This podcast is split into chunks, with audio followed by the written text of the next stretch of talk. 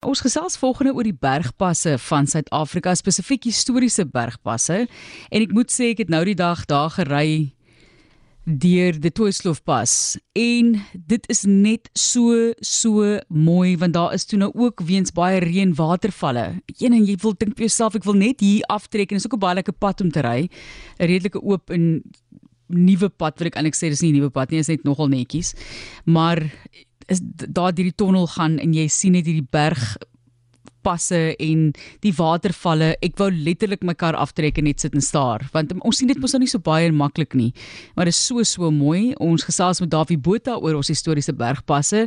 Hy is 'n siviele ingenieur en hy was onder andere vir 19 jaar die uitvoerende direkteur van die SA Instituut van Siviele Ingenieurswese en as ingenieur is hy tans mede-voorsitter van Proset, is 'n onderafdeling van die Nasionale Wetenskap en Tegnologie Forum. Gepraat van water en watervalle Davie, daar in jou streek soos ek gehoor het, jy kan maar vir my sê wat hulle vir julle gesê het, maar 177 mm reën gekry, dis 'n enorme klomp water. Ja, Martelies, ons het so rukkie terug het ons 'n bietjie gesels oor vloedlynbepalings en ek verneem dat uh, daar is nou moontlikhede dat van hierdie uh vloedlyne wat ons nou gesien het, is 'n 100 jaar storm. Met ander woorde diskrikwekkend en dan staan ons teen niks bestand nie of jy nou 'n ingenieur is wat 'n goeie ontwerp gedoen het of te not maar dit raak regtig waar buitekant ons uh, vermoë om voorsiening te maak vir hierdie tipe van storms. Kyk ons weet dit is baie moeilik en ons erge skade maar nou op 'n ligter noot moet ek net sê kry toe nou vanoggend 'n foto van 'n wynboer van daai streek. Hulle ek dink hulle is jou bure. Davie, ek dink hulle het vir my gesê hierdie ou wat wie jy praat bly langs ons, is vriende van my, maar nou ja.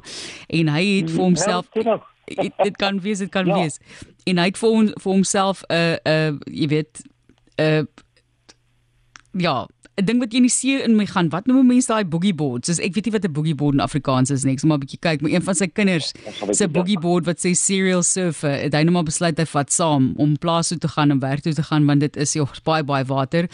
Maar asseblief kyk na jouself, sterkte met die opruimingswerk ook ja, daar. Davie, kom ons praat ja. oor die historiese bergpasse en as mense nou die woord histories gebruik, neem ons deur daardie konsep.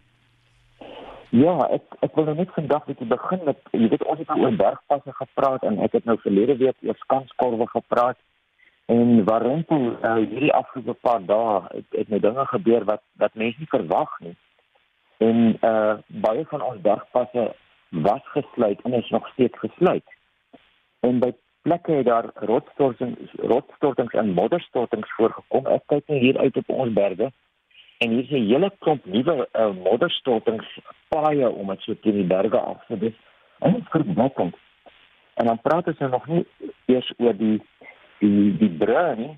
Hier op die N2 het die uh, ou niks seggende ou bruggie om dit te stel. Mens ry daaroor jy weet nie eens van hom nie. Vir die botterfier het hy weggespoel. En nou is daar natuurlik geweldige implikasies vir verkeer wat die N2 tussen Kaapstad en die Oos-Kaap moet gebruik. So ek weet nie wat daar gaan gebeur nie. Daar's moeilike tye voor. En daar by Kleinmond en Betty's Bay het hulle nou die ingenieurs gaan kyk na die veiligheid van die Palmietrivierbrug, 'n pragtige ou plekkie met 'n ou klein stroompie. En ek kan byna nie dink dat daardie uh, rivier was blykbaar tot teen aan die brug dek met hierdie storm nie. Nou ja, aan die Kaapse kant is Clarence Drive gesluit iets wat ek ook oor gepraat het een van ons baie mooiste passe in die land. Nou ons het uh, familie uit Nederland op besoek gehad en hulle moet Kaap toe. Gelukkig vlieg hulle eers Vrydag terug huis toe, maar hulle sit nou gestrand in Betty's Bay. Nou ja, so is ons land wel goed gebou, maar ingenieurswerk soos ek gesê het, is nie bestand teen hierdie tipe storm nie. En die veiligheidsfaktore wat 'n mens inbou maak net eenvoudig nie daarvoor voorsiening nie. Maar kom ons kyk 'n bietjie vandag verder na die die, die passe in in in die Wes-Kaap spesifiek. Nou uh ek wil so 'n bietjie iets vertel oor en ek dra dit ook op aan wyle Dr. Graham Ross wat 'n pragtige boek geskryf het, Romance of the Cape Mountain Passes. En in ons professie is die titel padmaker wel bekend en om Graham soos hom genoem het was een van hulle. Hierdie merkwaardige man het hier rondom sy 80ste verjaardag besluit om sy doktorsgraad te kry of te gaan studeer en net so gemaak. En nou ja, in 2003 as deel van Saisi se eeufeesvieringe het sy boek verskyn. Nou die boek vertel die stories van ongeveer 35 van die sewe sowat 490 bergpasse van die Wes-Kaap, Oos-Kaap en Noord-Kaap. Nou, ek het werklik nie geweet daar's amper 500 passe nie. 'n Mens besef dit natuurlik nie. Maar goed. Twee ander ingenieurs, Dr. Raspberry Davies en Brenda Sudano was ook deel van die span wat die inligting bymekaar gemaak het. En die Suid-Afrikaanse Padagentskap in die Wes-Kaap provinsiale regering het toe gehelp borg aan hierdie boek Uh so 'n paar jaar gelede was daar reeds meer as 10000 eksemplare verkoop. Nou dis interessant as ons dink vir 'n boek wat deur 'n ingenieur geskryf het, dis nou nie 'n roman nie, maar 'n pragtige stories wat vertel word dat daar so 'n die boek so gewild geword het. Nou ek is baie dankbaar om nommer 3 van die eerste klompie boeke te hê. En voorin het oom Graham geskryf: "Davie, thank you for starting this." En die datum was 31 Januarie 2003. Nou kan ek nie meer mooi onthou nie, maar miskien het ek hom daardie tyd aangemoedig om die boek te skryf. Want dit is nogal belangrik dat 'n mens skryf oor jou ervarings en en stories vertel, soos wat wat julle nou doen met hierdie reeks ook.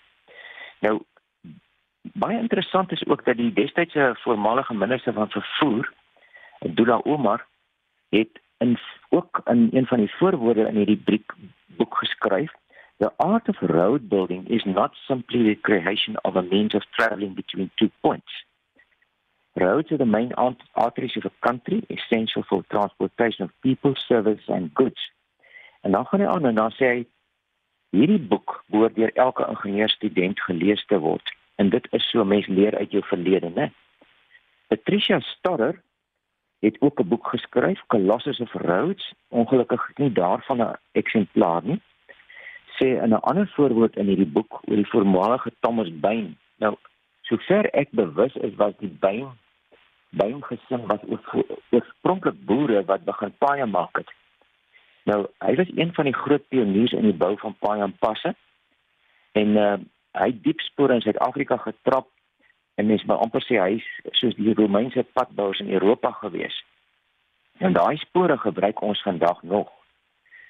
Nou wat baie indrukwekkend is natuurlik vir ons mense in die moderne lewe is dat hierdie pioniers het nie vandag so op met instrumente gehad nie maar baie het 'n oog gehad vir wat hy gedink het hy kan doen. Hulle het nie kaarte gehad nie, hulle het geen moderne plofstoel gehad nie, geen groot masjiene nie. Inteendeel, hulle is te voet en met mylwaans en soms te perd hierdie berge in met 'n tentjie om te woon. Maar nou skryf oom om uh, Graham oor Thomas Bain se se kaarte en 'n ander van die Prins Alfred pas wat behoue gebly het, bly het. En dit wys hoe 'n bekwame tekenaar hy ook was.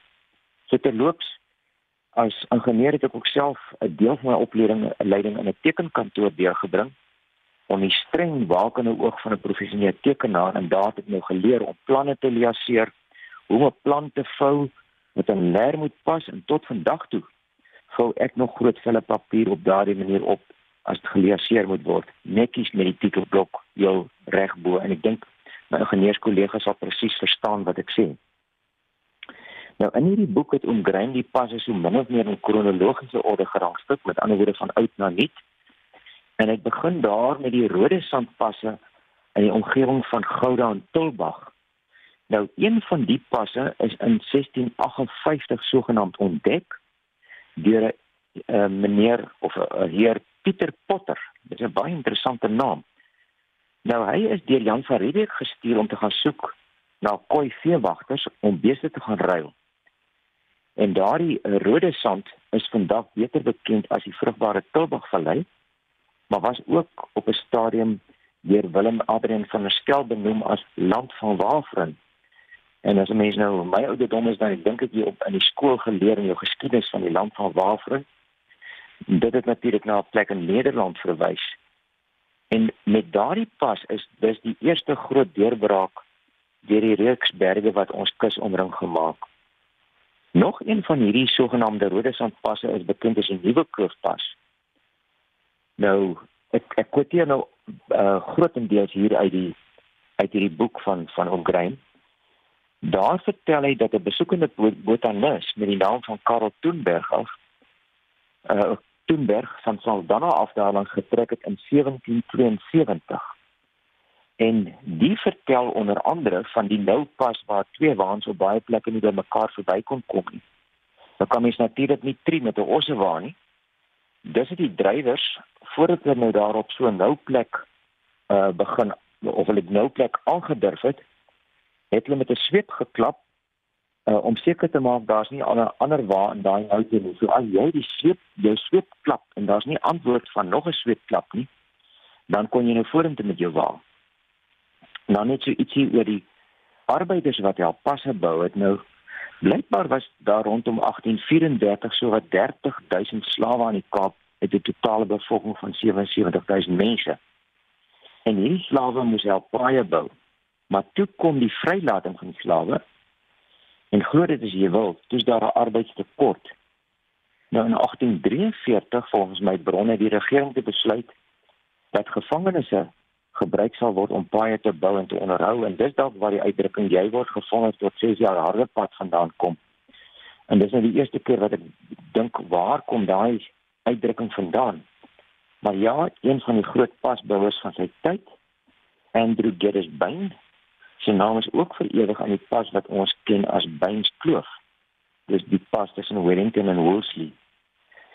En ja, vreemd genoeg of miskien verstaanbaar is hierdie gevangenes en die slawe natuurlik nie vernoem nie.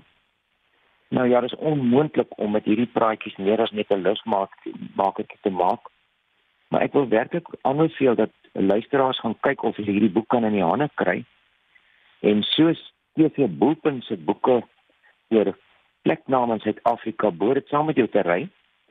Ehm um, en dan kan die passasiers die bestuurders se pad kort maak deur van die verhale voor te lees. So ja, Matalie, daardie gevoel van stilhou op 'n pas is nog maar altyd in my en om watervalle te kyk natuurlik. Uh dit bly maar vir ons mense in die droë land iets wonderliks. En gou gepraat van daai watervalle en jy het ook verwys byvoorbeeld na die Palmiet vlei die brug daarso. Hier is hoe hy tans loop. Iemand sien vir my boodskap. Ek het 'n video ook gesien en daar's mense wat staan op daai brug. Ek weet dit is moeilik om dit nou vas te vat so op 'n selfoon, ja. maar mense, daar's water wat daar vloei. Dit is eintlik skrikwekkend. Ek het nog nie so iets gesien ja. nie. Nee, dit is my so verstommend van die Palmietriviertjie is 'n pragtige ou riviertjie met mooi tekniekplekke daar onder die brug. En 'n mens kan nou nie dink dat dat eh, die as jy kyk na die volume wat nou daar deurgaan. Ja. Uh kan ek glo dat daar soveel water in opvanggebiede geval het nie. Inderdaad. So, ek is nogal geïnteresseerd om te hoor hoe, hoe die Teewaterskloof op die oomblik lyk. Van daar in Verliesdorp se wêreld het daar iets van 170 mm geval. Ja. So dis dis absoluut skrikwekkend. Ongekend. Maar ons moet groet Dawie, ons gesels weer. Dankie vir hierdie interessante geskiedenis, dankie. ons historiese bergpasse. Heerlike dag daar en bly asseblief veilig. Maak so. Dankie Matlies. Baie dankie.